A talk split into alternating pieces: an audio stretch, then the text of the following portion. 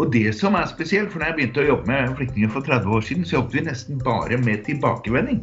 Altså Det var den ene fredsavtalen etter den andre, enten det var på Balkan, eller i Mosambik, eller Vietnam, eller Kaukasus. Steder hvor folk hadde flyktet fra, hvor det var blitt trygt og de kunne dra hjem igjen. Og det har vi ikke lenger, og det er den store forskjellen. Da vil jeg bare ønske alle lytterne velkommen til denne podkasten. Eh, mitt navn er Marianne Wulsberg Hovdan. Eh, til daglig så jobber jeg i ICORN, som er det internasjonale fribynettverket. Der jobber jeg med å prøve å forsøke å finne hjelp til forfattere, journalister og artister som er forfulgt for å ytre seg. Eh, mange av disse har allerede flykta når jeg kom i kontakt med dem. Og mange av dem har òg krav på beskyttelse. Gjennom dette arbeidet har jeg flere ganger hatt gleden av å møte dagens gjest. Eh, vi har eh, truffes på møter og samlinger. Og han er ikke bare en mann som har vist seg å være sykt dyktig til å lokalisere koselige og gode restauranter rundt omkring i europeiske byer. Han er òg en mann med en veldig lang og bred erfaring fra flyktningefeltet både i inn- og utland. Så velkommen så mye, generalsekretær i NOAS, Pål Nesse. Tusen takk for det, og en stor glede og ære å bli intervjuet til Sølvberget. Jeg skulle gjerne vært der i dag, men som vi alle vet så er korona eh, litt inngripende for oss, så vi må holde oss hjemme litt mer. Men også ekstra stas, syns jeg, å bli ønsket velkommen av Marianne og Aikorn, som gjør en veldig viktig jobb, og der Stavanger er, også er en viktig medspiller. Ja, vi er veldig heldige at vi er her med. Og det tror jeg vi begge er i forhold til òg de vi skal snakke om i dag. Um, temaet er jo flyktningsituasjonen i Europa. Um, et veldig stort tema. Um, og jeg tenkte kanskje at å få, få kanskje prøve å få en tråd på samtalen. At vi kan begynne litt ute i verden. Uh, og så bevege oss gjennom Europa. Kanskje en stor, stor uh, bit av Europa, og så tilbake til Norge etterpå. Um, men Pål, hvordan, hvordan, vil du si at flyktningsituasjonen ser ut i verden i dag? Hvor mange er det? Hvor er det? Hva, hva som gjør at folk flykter? Altså, Eh, det er ca. 80 millioner mennesker på flukt.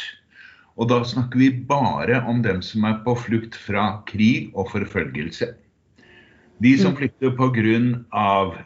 klima, eller fordi de eh, søker en bedre tilværelse et annet sted uten nødvendigvis å være utrygge der de er, eh, de teller vi ikke med.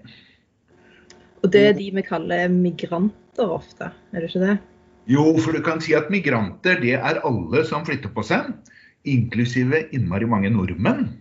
Mm. Som bor midlertidig eller studerer eller har flyttet til et annet land en periode, har leilighet i Spania f.eks. Så nordmenn er også stadig økende i denne gruppen med migranter, og det er veldig, veldig mange. Og så har du en del av den som er dem vi kaller tvungne migranter. Eller altså migranter på flukt. Og det er der vi har flyktningene. Okay. Og, eh, og, det vi kaller internt fordrevne. Og det vil si at du har flyktet av samme grunn som en flyktning. Altså du krig eller forfølgelse.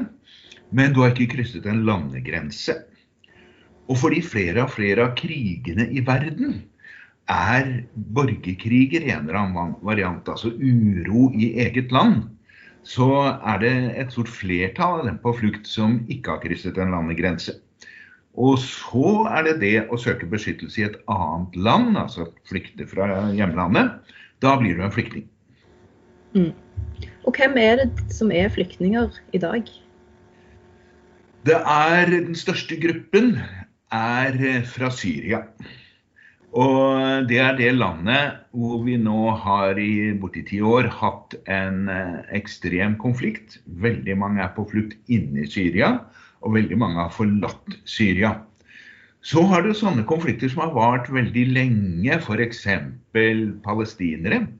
Så mange flyktet i 1948 eh, under uroen Palestina-Israel. Eh, så flykter kanskje til et annet naboland i regionen, men mange av dem har ikke fått verken statsborgerskap eller en sånn sikker og god løsning der de er. De er egentlig fortsatt på flukt, veldig mange av dem. Uten å kunne ha rettigheter til vanlig jobb, f.eks. Og så har du nå uro i sånn som Mellom-Amerika, hvor det var veldig bra en stund, men det har blitt mer uro de siste ti årene spesielt. Eh, Colombia, veldig mange på flukt i eget land.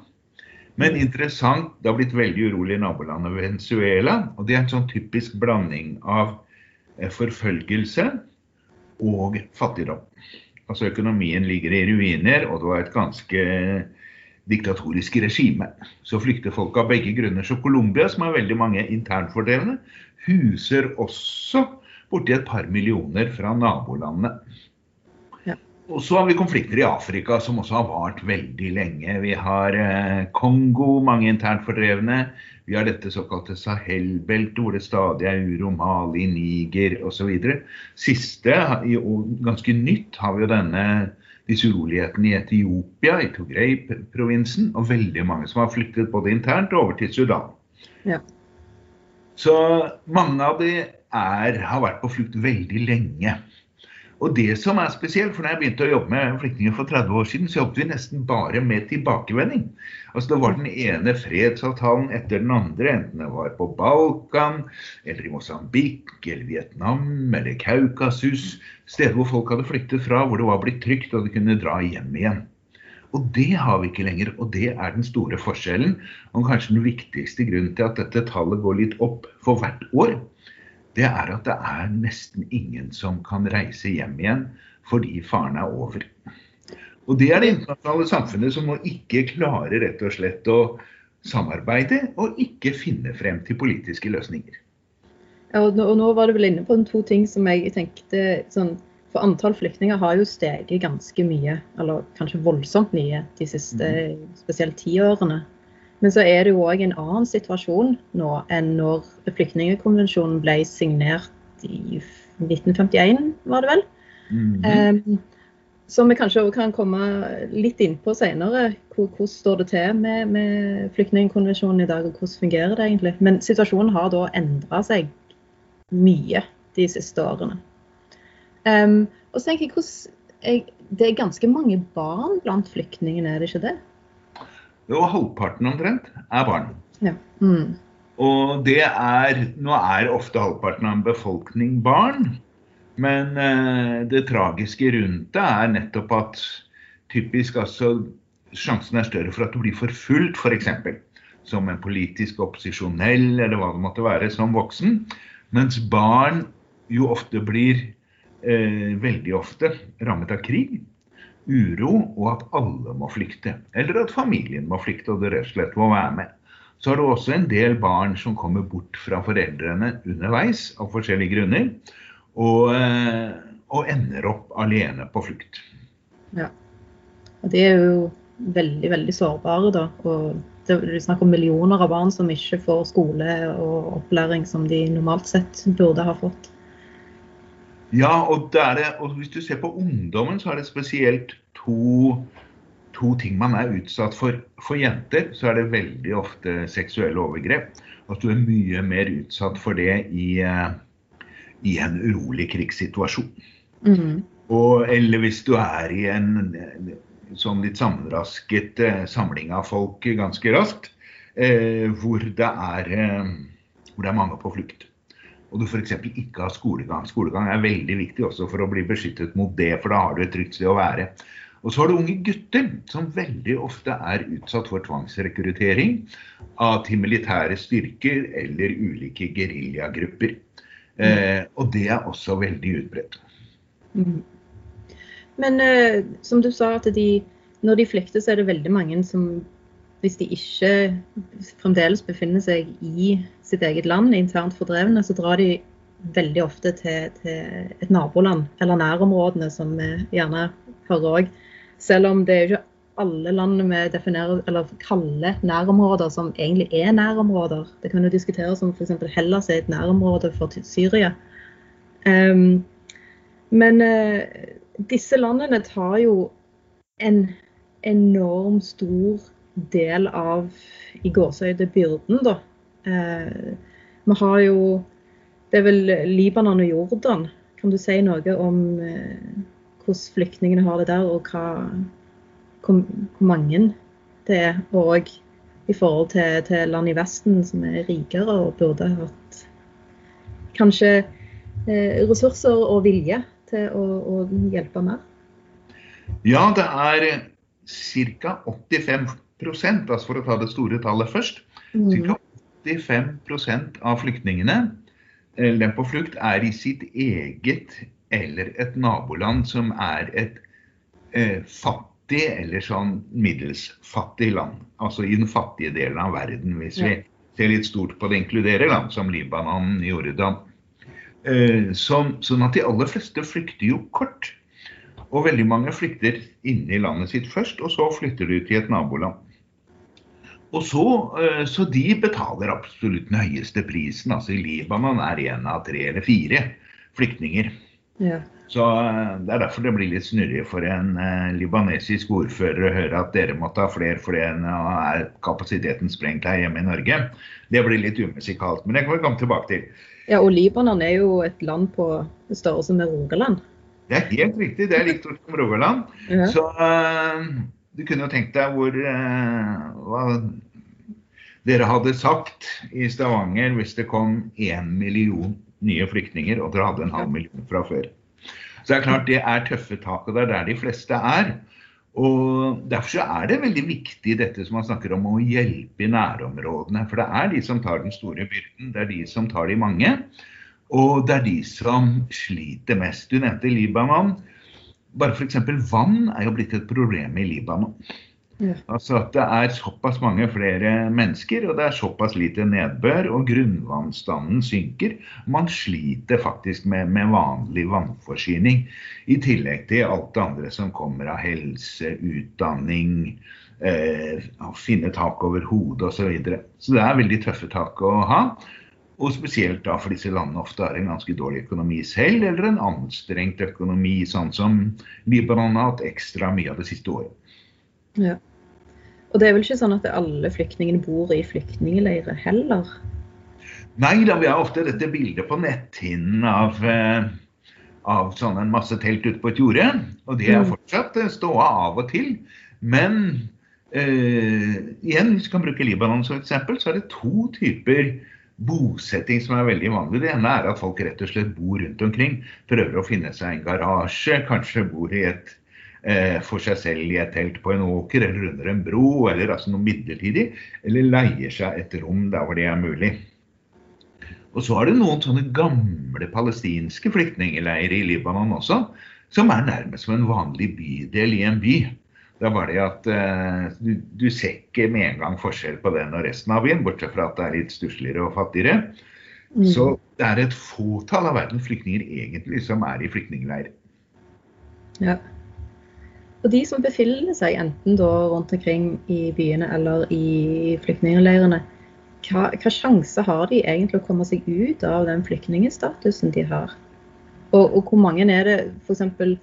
Eh, som blir eh, innvilga eh, status som overførings- eller kvoteflyktninger som blir omplassert? Det er Dette varierer veldig. Hvis vi først tar det får du status som flyktning, så er det veldig mange av landene i nærområdene som bare regner alle som kommer fra en krig, som flyktninger. Og ikke gjør en individuell vurdering, sånn som vi f.eks. gjør i Norge. Og så får du kanskje varierende grad av beskyttelse. Så er det noen ganger du sliter veldig med å få en del rettigheter. Og et godt eksempel rundt Syria igjen kan være Tyrkia. Og vi hadde en avtale mellom Europa og Tyrkia i tillegg. Men Tyrkia huser bortimot fire millioner syrere.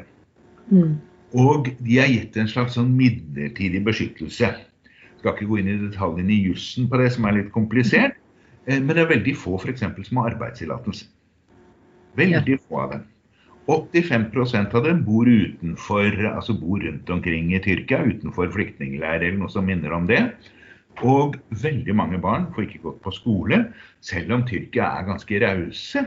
så er det enten fordi de ikke har tilgang til skole der de er, fordi de lever veldig uformelt. For mange er det også at de driver med barnearbeid fordi er, du, familien ikke har arbeidstillatelse, men barn under 18 år blir ikke straffet hvis de jobber ulovlig. Så da sender man barna ut i jobb isteden. Eh, for de blir i hvert fall ikke fengslet eller eh, arrestert. Så det er, det er ganske sammensatt bilde veldig mange steder, hvor det er en kombinasjon av raushet fra land som tar imot mange, men at det kan skorte litt på rettighetene for dem som er der. Det er en av grunnene til at noen prøver å komme seg videre. Enten fordi det er utrygt, det er også, eller fordi det rett og slett ikke er mulig å få endene til å møtes, og f.eks. prøver seg på å komme seg til Europa. Og så dette med overføringsflyktninger, eller kvoteflyktninger, som vi ofte sier. Det er folk som allerede er vurdert av FNs høykommissær for flyktninger og har beskyttelsesbehov. Altså, og så sier man at og deg er det vanskelig å beskytte her. La oss si du tar en opposisjonell en type folk som dere kjenner godt i Icon.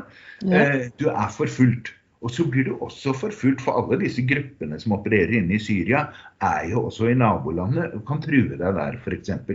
Mm. Så sier man da at nei, deg trenger vi å, uh, å ta et annet sted. Ja. Og da prøver man å få til dette med kvoteflyktninger. Og Norge har nå en kvote på 3000, som i internasjonalt sett er ganske bra. Eh, selv om vi gjerne skulle sett litt til. Eh, men 3000 skal vi ikke være flaue over, i hvert fall.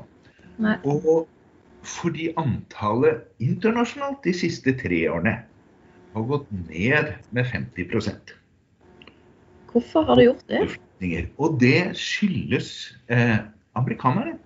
Altså Amerikanerne har tradisjonelt vært sånn i det store bildet når det gjelder kvoteflyktninger, virkelig verdens rauseste land.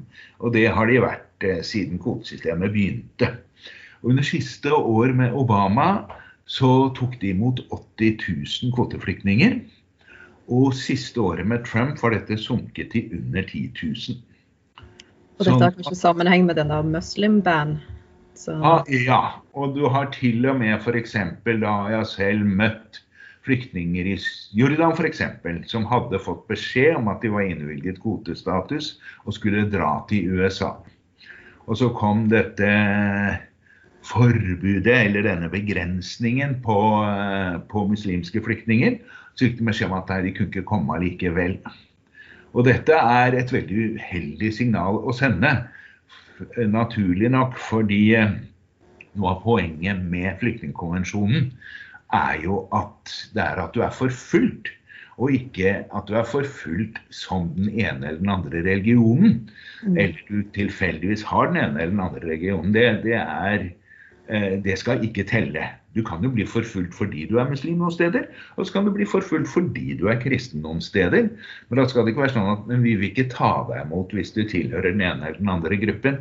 Det er liksom helt i strid med flyktningkonvensjonens grunnleggende idé om at du er forfulgt av forskjellige grunner, og vi skal gi deg beskyttelse. Det må jo være en forferdelig situasjon å sitte i òg, og da gjerne vært på flukt i, i, mange år. Endelig ser et lys i tunnelen, og så får det her slaget i trynet at nei, du får ikke lov til å komme likevel. Ja, det har vært veldig, veldig tøffe tak, og spesielt de da som opplever at de er i en farlig situasjon. Eh, derfor er det veldig positivt med, med nye presidenten i USA som har sagt at nå skal vi reetablere USA som det kvotelandet vi har vært vant til å være. Og har en nabo i nord, Canada, som også er veldig raus på kvoten. Og så har de sånn som Norge, som gjør det bra. Mm. Så det er en, en, liten optimisme der, da, i hvert fall? Ja da, nå er det lite grann. Men du kan si høykommissæren har sagt at det er ca. 1,4 millioner flyktninger som burde blitt kvoteflyktninger, altså fordi de har det uttrykt der de er. Ja. Og i fjor ble det gitt tilsagn om litt under 70 000 plasser. Mm. Så det er ikke rare prosenten. Det er det ikke. Og dette er jo det som land i nærområdet også syns at ærlig talt er det det beste dere kan gjøre. Ikke sant.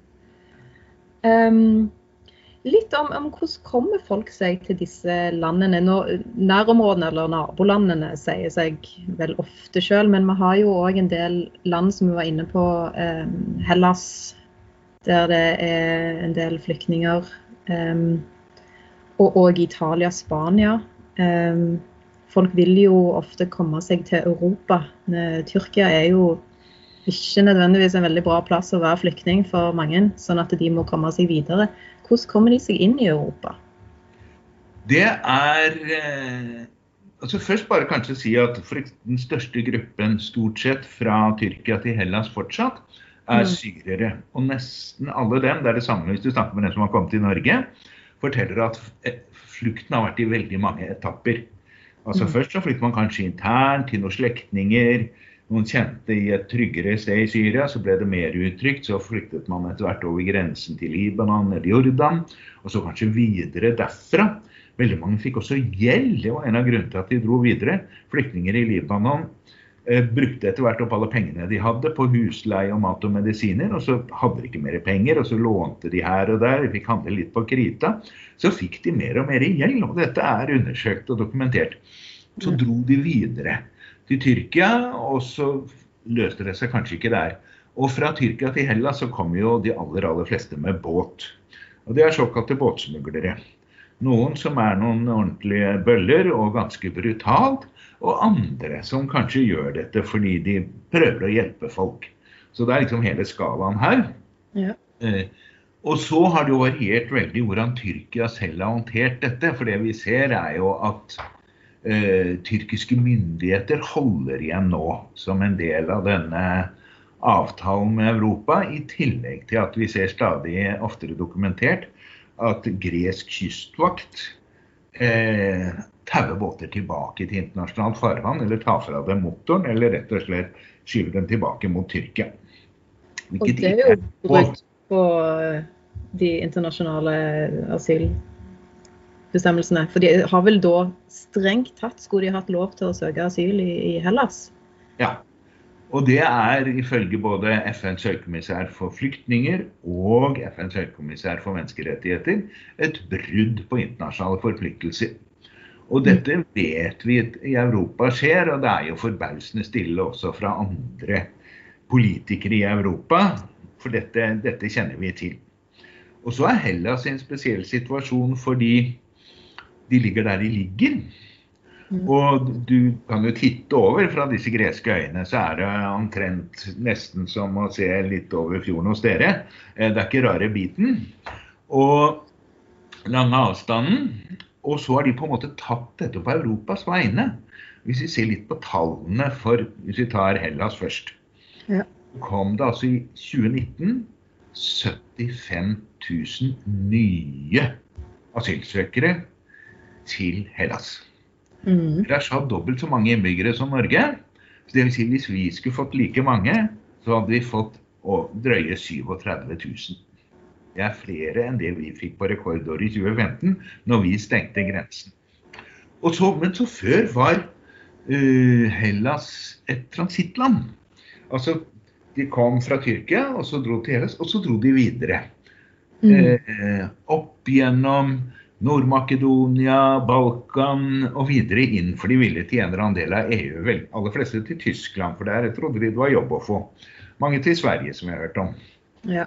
Sånn at, men så har man stengt grensen opp gjennom Europa, og så sitter Hellas litt sånn med opplevelsen, og vi skjønner deres frustrasjon.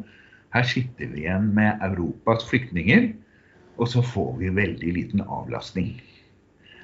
Og det er grunnen til hele denne Lesvos og Moria-debatten vi har hatt i Norge. Det er at eh, det var liksom meningen at man skulle dele litt på det. Og så har det blitt sånn at de, de ytterlandene eh, i Europa tar alle sammen. Ja. Og så kan du si på den ruten til, eh, til Hellas, så er de tre største gruppene er syrere og afghanere og irakere. Altså land med uro og ulike grad av intern konflikt, intern krig. Ja. Eh, men så har du andre deler av Hvis vi tar Italia, mm. så har det gått veldig opp og ned hvor mange som kommer dit. og, og, hvem som kommer. Og hvis vi ser på de siste par årene, så eh, kom det hittil i år jeg her, er det kommet drøye 8000 til Italia. Den store gruppen er tunisiere, og den nest største gruppen er algeriere. Og eh, dette er folk som i stor grad er økonomiske migranter. Fra mm. Tunis er altså veldig mye ungdom som vil ha jobb. Ja. Og de har ikke dette beskyttelsesbehovet. Mens, eh, og en del har kommet fra Tunis. Men gjennom Libya så kommer det fortsatt veldig mange ulike grupper afrikanere. Noen er flyktninger, noen er en blanding av frykt, klima, økonomi, og mange er økonomiske migranter. Og, men de ender opp i en slags flyktningsituasjon, for veldig, de fleste av dem nå blir stoppet av libysk kystvakt og tatt tilbake til Libya. Der er veldig mange utsatt for voldtekt, at de blir solgt til menneskehandlere. er handlere. de blir banka opp, de blir torturert, de blir vilkårlig fengslet, de blir satt i tvangsarbeid. Så det er en helt uakseptabel situasjon. Eh, selvfølgelig. Og i tillegg så hører vi nå mer og mer at denne redningstjenesten, som Italia gjorde veldig bra i mange år, og Norge, norske regjering bidro til, denne reddet jo ekstremt mange liv. Ja. Norskbåten som regjeringen sendte, reddet plukket opp 30 000, over 30 000 mennesker. En kjempejobb. Hvorfor det? Jo, fordi altså, uansett hvorfor folk drar, så lar vi dem ikke drukne. Og norske sjøfolk ellers hadde jo plukket opp veldig mange. Og nå begynner man å snakke om at ja, men dette motiverer til at folk drar. Og så skal ikke jeg utelukke at det bidrar bitte lite grann, men vi ser jo at folk drar uansett. Det er derfor vi fikk denne redningstjenesten, fordi folk dro og druknet når det ikke var noe redningstjeneste. Og nå hører vi stadig rapporter om at eh, sånne redningsskip som drives av Leger uten grenser og lignende, de blir liksom bedt om å holde seg unna. Og så er det ingen som plukker dem opp. Og så blir de borte. Ja, jeg mener jeg har lest en plass at de de, de har nå gått fra å fokusere på å redde liv i Middelhavet til å patruljere den europeiske grensen og prøve å stoppe folk. Og som du sa, plukker de òg opp før de drar fra Libya, og returnerer, eller idet de drar derfra, og returnerer de. Så både det og at de blir etterlatt på havet, rett og slett. som er, Da aksepterer vi drukningsdøden som et legitimt virkemiddel for ikke å få asylsøkere eller migranter. Det er helt umulig å forestille seg for oss sjøfartsfolk selv. ikke sant? Ja, ja. Eh, så, så, det er en veldig trist utvikling. Og så er det veldig mye av grunnen er altså at vi mangler lovlige alternativer. Og dette er en parallell til en debatt vi har i Norge nå. Nå leser vi stadig om bekymringer at du ikke får arbeidskraft til å plukke jordbær eller plante granbusker eller høste liksom fra vårt Norges bitte lille jordbruk i internasjonal målestokk. Eh, og hvorfor drar så mange over Middelhavet? Jo, fordi de har fått jobb. Ikke sant? Altså, Europa har sysselsatt veldig mange i jordbruket, veldig mange i svart arbeid. Mm. I Italia, i Frankrike, i Spania. Og, så det er en tradisjon for arbeidsmigrasjon. Og før, f.eks. hvis vi tar Spania, da, så var det veldig mange marokkanere som jobbet med å plukke appelsiner og oliven og, og, forskjellig. Og så var det noen som bosatte seg i Spania, så var det veldig mange som dro hjem og gjorde dette som sesongarbeid. Sånn som polakker plukket jordbær hos oss i gamle dager. Mm. Og så er det blitt ulovlig.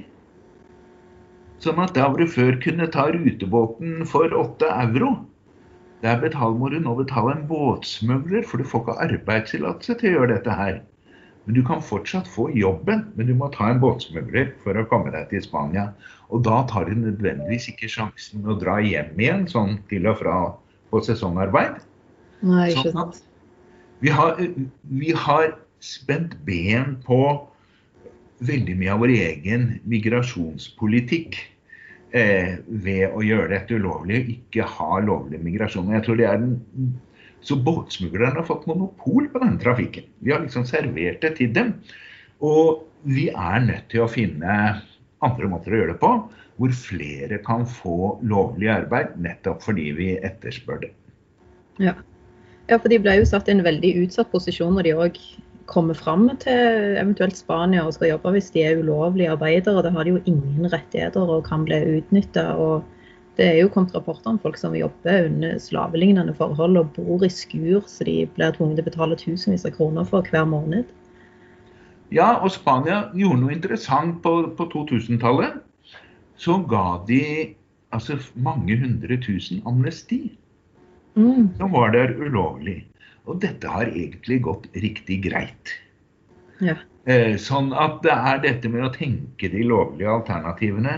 Det er litt å tenke de samme tankene når vi nå lurer på hvordan vi når korona gir seg, eh, kan ha denne normale eh, trafikken av arbeidskraft. Og det er litt som dere i Stavanger-regionen har hatt i oljeindustrien i alle år.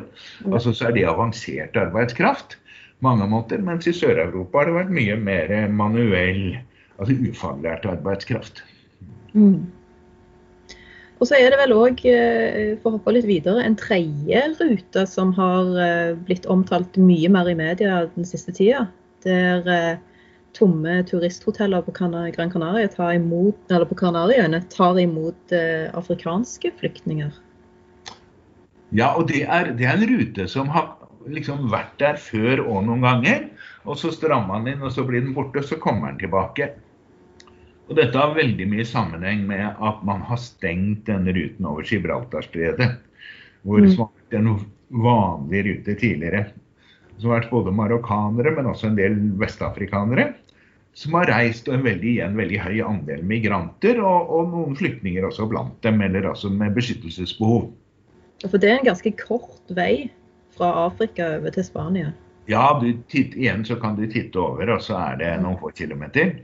Så, mens reisen over til Kanariøyene er mye mer farefull. Eh, for du skal mye lenger til havs, og det er lettere å bomme på øyene. Og da er det virkelig til å kjøre. Og, eh, så det er nok flere som drukner underveis. Mm. Og her er det da f.eks. mye senegalesere, altså andre og igjen sånn klassisk arbeidssøkende som før kanskje søkte mot fastlandet i Europa, Spania, for å nettopp altså, ulike deler av arbeidslivet, veldig mye jordbruket. Så dette har blitt en liten overraskelse for både hotellnæringen og for Spania og for eh, nordmenn som plutselig ser en masse afrikanere der de er vant til å se svensker og tyskere. Så, eh, og dette er igjen denne, denne mangelen på lovlige ruter. Og for noe av det første jeg jobbet med selv da jeg begynte å jobbe i denne bransjen, var med vietnamesere. Du hadde vietnamesiske båtflyktninger, og noen kom til Norge som ble plukket opp av norske skip. De ble kvoteflyktninger, veldig raust fra Norge. Og stilig norsk sjømannskap. Mm. Eh, og så ble dette mer og mer fra overgrep etter krigen til å bli en migrasjonsrute. Og så søkte man seg til Hongkong og i andre land. Og så fikk man et lovlig migrasjonsprogram. Og når man fikk det på plass, som veldig mange vietnamesere kunne benytte, så stoppet denne båttrafikken. Da var det det som ble måten å gjøre det på. Ja. Så går det litt sånn i rykk og napp, men eh, jeg tror det er mye læring der for Europa å se hvordan har vi faktisk løst dette tidligere. Og du klarer ikke å løse det ved grensekontroll. Det, det er den ene erfaringen vi har. Er det jobb å få, så kommer folk til å prøve seg. Ja. Og så er det vel òg sånn at det, hvis en skal søke asyl, så må en vel ha kommet til det landet en skal søke asyl i. Så det er jo ikke sånn at en f.eks. en person i Syria kan sitte der og, og, levere inn en søknad til den norske ambassaden eller den norske migrasjonsmyndigheten og be om asyl. Du må komme seg til Norge. Og det er ikke så mange som kom, dukker opp på den norske grensa lenger. Nei, det er ikke det. Og det er, vi har de laveste tallene på norske grensen nå på 25 år. Eh, og det er jo forskjellen på en kvoteflyktning og en mm. asylsøker. En kvoteflyktning kommer på med et fly fra et naboland i samarbeid med norske myndigheter og FN. Ja. Eh, mens en asylsøker kommer seg frem til norskegrensen på egen hånd. Og eh, i, hvis vi ser de siste årene, så var det i 2019 så var det 2405. I fjor var det gått helt ned til 1386. Og hittil i år, tittet jeg nå, til og med januar, så er det kommet 185 asylsøkere til Norge. Og en hovedgrunn til at det har gått uh, drastisk nedover de siste årene, er, eller to grunner. Den store grunnen er stengte grenser, som vi nevnte i forbindelse med mm. Hellas. Det er den store greia. Så det har gått ytterligere ned pga. korona. Altså det er mye mindre bevegelse internasjonalt i det hele tatt. Det er vanskeligere å krysse grenser. Og så til det du sa, da, og liksom du må komme frem til grensen. Det er riktig. det. Du kan ikke sitte i Gå på ambassaden i Tyrkia og si jeg er en forfulgt syrer, jeg vil gjerne ha asyl i Norge. Du må komme deg til Norge først. Og det er den svake siden av asylsystemet. Den sterke siden er at denne asylretten fortsatt er en sikkerhetsventil. Altså vi eh, eh, Hvis du virkelig er truet, og det er så få som blir kvoteflyktninger, så tar du kanskje den risikoen å sette deg på en båt mm. og prøve å komme deg videre til et annet land. Og vi ser jo av de som kommer til Norge, og det er litt irriterende, for her er det mange politikere som later som det er bare en lurendreiere og, og, folk som egentlig ikke trenger beskyttelse. Og det er nesten sånn at hvis de har klart å komme seg helt hit, så kunne de i hvert fall fått et annet sted. Eh, så er det tre fjerdedeler av dem får beskyttelse, av Norge ganske strenge. Og Det vil si altså at de har benyttet seg av denne sikkerhetsventilen, tatt risikoen, og så får de faktisk beskyttelse. Og mange mener at asylsystemet liksom, har gått ut på dato. Og det mener vi at nei, det har ikke det. Altså, det er ikke et godt system for at folk eh, Du kan ikke liksom snekre det perfekte systemet for at alle som trenger beskyttelse, skal få det på en klokt og god måte. Eh, vil, I utgangspunktet har du en menneskerettighetsbrudd, eh, altså en vanskelig situasjon. Du har krig. Og så er dette systemet, tross alle svakhetene, faktisk det beste vi har. Og det veldig viktige, det er noe vi i det store og hele har blitt enige om internasjonalt. Og det ville, hadde vi ikke klart å bli nå. nå hvis vi hadde begynt på scratch i dag, så ville vi ikke fått noen flyktningkonvensjon. Vi ville, altså Nå er vi blitt så mye strengere. Og dette er så viktig i forhold til den debatten. Skal vi hjelpe dem her eller der? Kan vi ikke hjelpe flere i nærområdene, som vi var innom eh, i sted? I nærområdene sier de nå at hvis dere ikke tar noen, så kan dere ikke, eller vi ha så få som mulig, så kan dere ikke be oss om å holde grensene åpne og sende noen få kroner. Vi burde sendt mye mer, men det er også at vi må ta vår rimelige del. Ja. Eller som eh, når Norge sa vi skulle ta 50 fra Hellas, såkalt relokalisere, så den dagen kunne du lese i en gresk avis at bare i går kom det 150 nye asylsøkere til øya Amorgos alene. Men ja. heldigvis har Norge sagt nå at de 100 000 vi har, så skal de ta 50. Ganske sarkastisk. Ja, for det viser jo ikke oss de, den innsatsen fra oss. Det jo, kan jo nesten beskrives som en sånn symbolpolitikk. Ja, og så er symbolpolitikk alltid kult for de 50 det gjelder. Men i denne settingen her så er det urimelig mye. Og ja. det er fordi Hellas føler seg forlatt. Hellas har en dårlig økonomi. De fikk så mange. Og så, eh, som jeg sa, så har de på en måte tatt Europas ansvar. Og det man også skal huske, er at for ekstremhøyre, altså, og i Hellas er det veldig ekstremt voldelig, ja de får høyere oppslutning. Se hva som skjer. Europa blåser i oss. Vi må ta saken i egne hender. Og den frustrasjonen går det an å skjønne litt. Og den bør ikke vi bidra til. Altså, Flyktningarbeid krever internasjonalt samarbeid, og vi må ta vår del, rett og slett. Ja, ja for hvis statene blir stående alene med dette, og det er et voksende problem, så ja.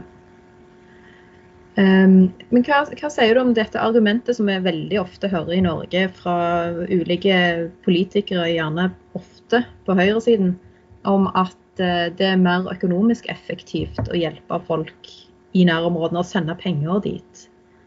Uh, i, i, forhold til, Fordi det er så dyrt og det koster mye mer for en familie å bo i Norge enn å bo f.eks. i, i Hellas eller Libanon. Ja, og på den ene siden, ja det er klart du får mye mer for pengene i et fattig land enn i høykostnads Norge. Men hva er det du får? Og der er det ofte noen hull i regnestykket. Derfor mm. er det jeg sa at du må ha legitimitet.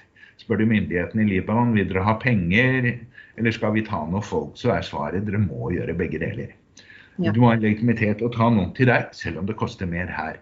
Det andre, det er et viktig moment, det er at eh, de fleste flyktninger som er i et fattig naboland, blir ikke der. De får ikke nødvendigvis fulle rettigheter. Det er baksiden av medaljen. Så de, nød, de må få nødhjelp hvert år. Og nå er gjennomsnittstiden du er flyktning, den er borti 20 år. Og fordi ingen kan reise hjem, så går den opp med nesten et helt år hvert år. Ja. Sånn at vi må gi nødhjelp til de samme flyktningene 25 år på rad.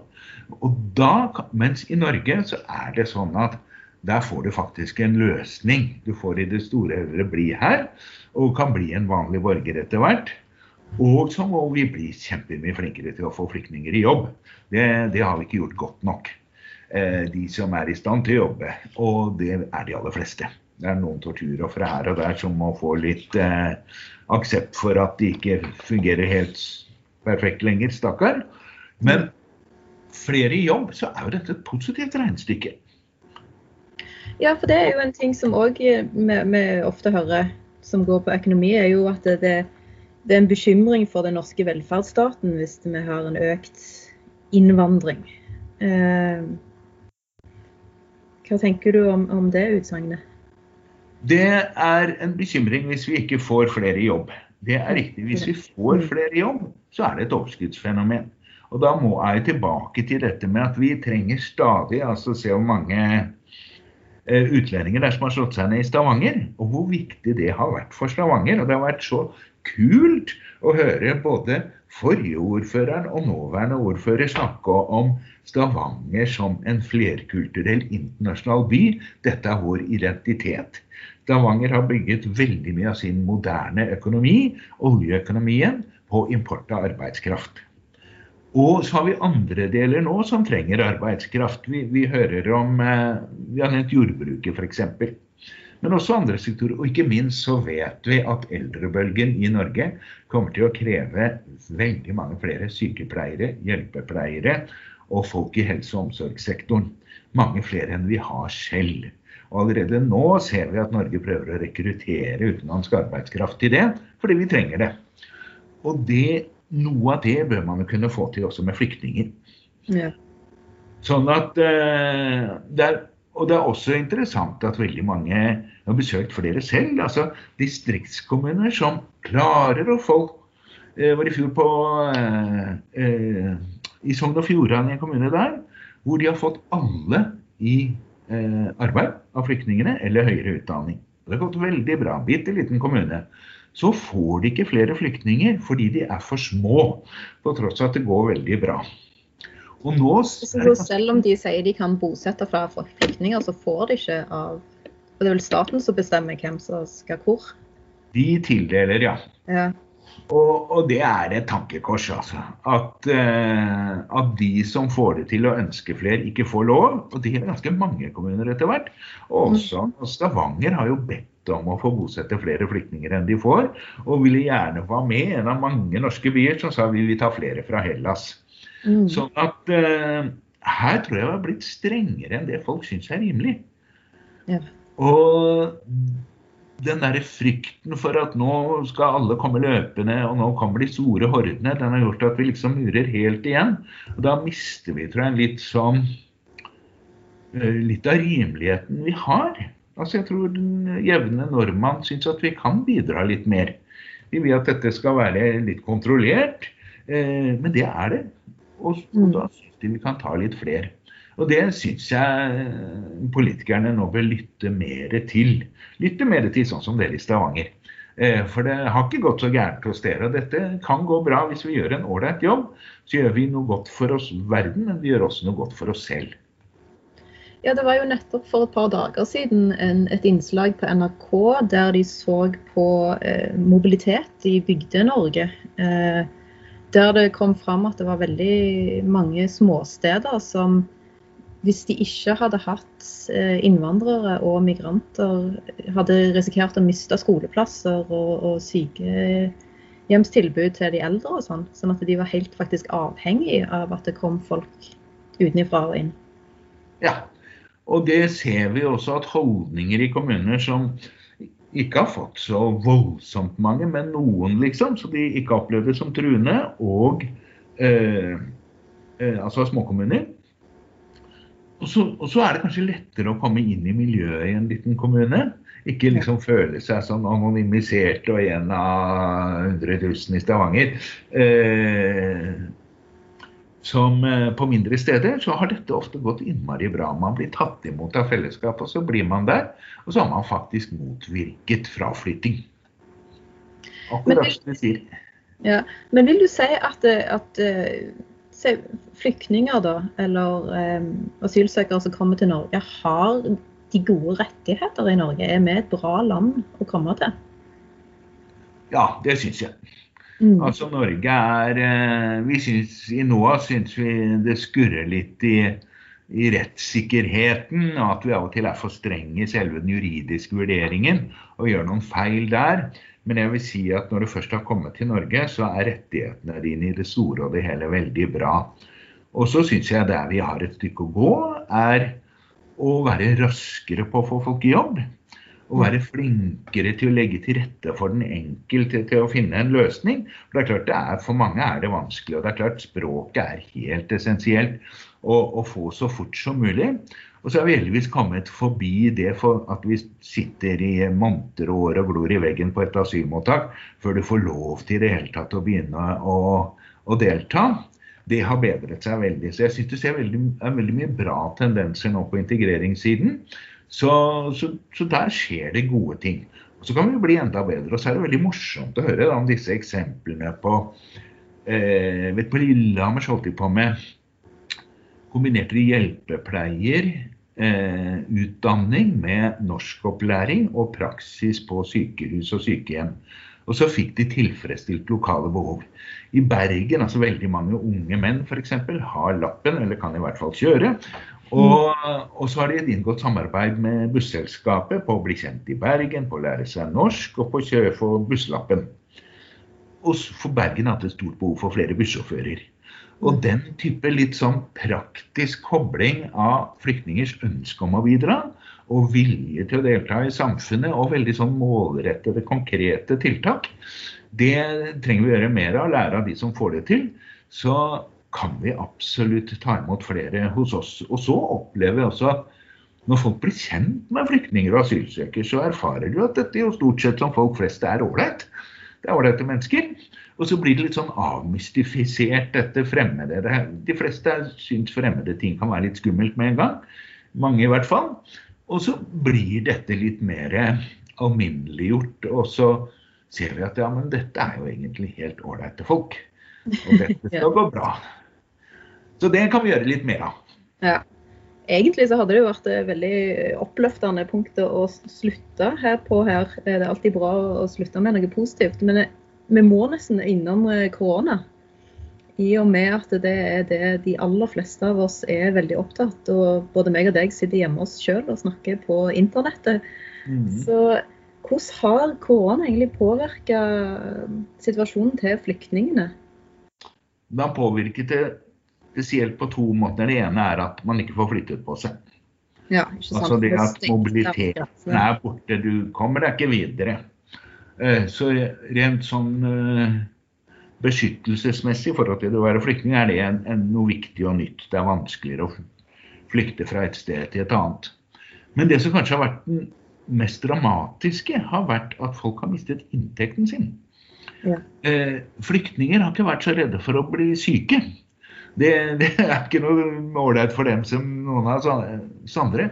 Men det har vært at uh, Og Flyktninghjelpen, hvor jeg har jobbet inntil nylig, de gjorde en undersøkelse som viste at uh, 70-80% av flyktningene hadde mistet deler eller hele inntekten. Ja. Og like mange, altså over 70% hadde kuttet ut et daglig måltid. Og det er ganske dramatisk. Ja. Derfor så er det veldig positivt det regjeringen har gjort nå med mer penger til Verdens matvareprogram. Fordi mat har blitt dyrere nesten alle steder. Ja. Fordi transport er blitt vanskeliggjort. ikke sant? Produksjon, altså eh, Alle disse tingene som små, sårbare lokale økonomier er så avhengig av. De har gjort det veldig vanskelig for flyktninger. Og de jobber ofte i uformell sektor. De har mistet jobben eller det meste av jobben sin. Så det er virkelig den tøffe biten. Så, eh, og mange fattige land erfarer jo at i kombinasjon med huset huse mange flyktninger, så har økonomien tatt eh, et, et sånn ett eller to tiårsskritt tilbake. Ja. Så det er dramatisk. Så alt det vi opplever, det opplever også de, men kanskje på en veldig mye tøffere måte. De får ikke dagpenger. Nei. Men eh, hvordan ser du for deg at situasjonen eh, med antall flyktninger i verden vil utvikle seg? Eh, er det Du sa jo i begynnelsen at det, disse her klimaflyktningene som Mhm. en snakker mer om, men noen er litt kontrovers rundt òg, for det er jo noen som mener vi ikke har klimautfordringer. Men de blir jo ikke talt med i disse her 80 millionene som er på eh, flukt pga. krig og konflikter. Um, vet vi hvor mange det er snakk om, og hvor mange det blir? Og det er jo av og til rapportert om at det, i de neste tiårene kan vi se for oss liksom nye bølger av flyktninger som eh, kommer. Tror, tror du det vil skje, og hvordan kan vi takle det? Jeg tror at eh, det aller viktigste når det gjelder klima, er å forebygge. Altså, Mm. En ting er at vi må redusere utslipp, og så må vi sette lokalsamfunn i utsatte deler av verden bedre i stand til å kunne håndtere tøffere klima. eh, Spesielt altså flom og uvær. Og så har vi noen tall på den som blir drevet på flukt i eget land. Eh, Dette har variert mellom 10 og 20 millioner stort sett hvert år de siste årene. Mm. Men der har du det at folk flytter fort hjem. Altså de drar kort og flytter fort hjem. Men så kan det ha noen litt mer langvarige effekter. F.eks. et land som Bangladesh, som er vant til å ha flom hvert år. Og så blir flommene større. Og så kommer de lenger og lenger innover land med saltvann. Og så er det større og større områder som blir ubeboelig. Så da får du en sånn lokal klimafordrivelse. Men så har du det som på sikt kanskje er mest utfordrende f.eks. For, for Europa, som er Sahel-beltet. Hvor du får en stadig større forørkning. Og hvor dette skaper lokale konflikter, f.eks. mellom jord, de som driver jordbruk, du kan ikke drive lenger, eller de som har beitedyr. Eh, og så flytter folk seg lenger sørover i, i landet, og så blir det ulike konflikter. Sånn at mange av de som flykter derfra, er en sånn blanding av økonomi, klima og konflikt. Nå Foreløpig, og det finnes ikke tall på dette, foreløpig kommer det knapt noen til Europa som vi kan kalle sånn klassiske klimaflyktninger. Men dette kan øke, og det er viktig å ta dette her på forskudd Ja. eh, og komme det i møte. Og det er ikke like enkelt, for det skal, det har veldig mye med økonomi å gjøre, og veldig mye med å ha kapasitet til å forebygge. Men det, det er ganske mye du kan gjøre. Ofte begynner med ganske sånne enkle ting. Og, eh, og så må vi intensivere det arbeidet. Men det var snakk om f.eks. kvoteflyktninger til Norge. Kanskje en gang i fremtiden, tenk deg et scenario. Maldivene blir borte. De synker i havet. Det har aldri skjedd før at et land blir borte fra jordens overflate hvis havnivået stiger nok. Så vil vel de aller fleste dra til Sri Lanka og India. Og Da er vi kanskje litt tilbake til at da kanskje Norge skulle ta noen en periode eh, for å ta del i et spleiselag der India og Sri Lanka gjør det aller meste. På samme måte vi tar noen kvoteflyktninger nå. Men dette tror jeg ligger frem i tid. Det er ikke aktuelt nå. Men det, det som er aktuelt, er å drive denne forebyggingen. Og spesielt da for dem som flykter lokalt. Ja. Og det er veldig mange. Og dette går opp og opp og opp og opp. Eh, og noe av, den, noe av det som vi kan dokumentere best, er økningen i naturkatastrofer som skyldes ekstremvær. Som er relatert til klima. Det er en dramatisk økning. Og det er ikke tilfeldig at det er verdens forsikringsselskaper som har ligget helt i front på å kartlegge og støtte dette kartleggingsarbeidet og støtte FNs arbeid med klimaspørsmål. For de ser hvordan skadene bare øker i omfang. Ja. Vel, ja. Det er ikke så veldig oppløftende. Og uansett hvordan det går med klimaet, så er det fremdeles mange som trenger hjelp. Og jeg tror ikke du blir arbeidsledig med det første, dessverre. det gjør jeg ikke. Men nett, jeg må få si det, da. Vi må få avslutte på en litt sånn positiv. Ja. Nettopp derfor så er det så stilig med dette engasjementet vi nå så rundt Moria. Dette engasjementet på at vi kan bidra noe mer. Vi kan mm. gjøre litt mer. Det må vi holde oppe. Det har dere gjort i Stavanger. Det må dere fortsatt kjempe for og fortelle myndighetene i Oslo at dere er i utakt her. Eh, vi kan gjøre mer, og det ser vi så mange fine eksempler på. Så det oppfordrer både politikere og vanlige folk til å stå opp for å, å hjelpe. Ja, og for dem som nyter godt av det lille vi løfter, er dette innmari viktig. Ja, det er jo viktig å huske at dette er enkeltmennesker og familier og mange barn som eh, faktisk dette betyr i mange tilfeller liv og død for. Ja. Og Det er derfor det arbeidet dere også gjør i Icorn er så viktig. Tusen takk. OK, fortsett med det gode arbeidet, og tusen takk for at du var med oss her og snakket. Tusen takk for invitasjonen, og takk til alle dere som titter på. Og takk til deg og til Sølvberget for at dere gjør den jobben. Det setter vi pris på.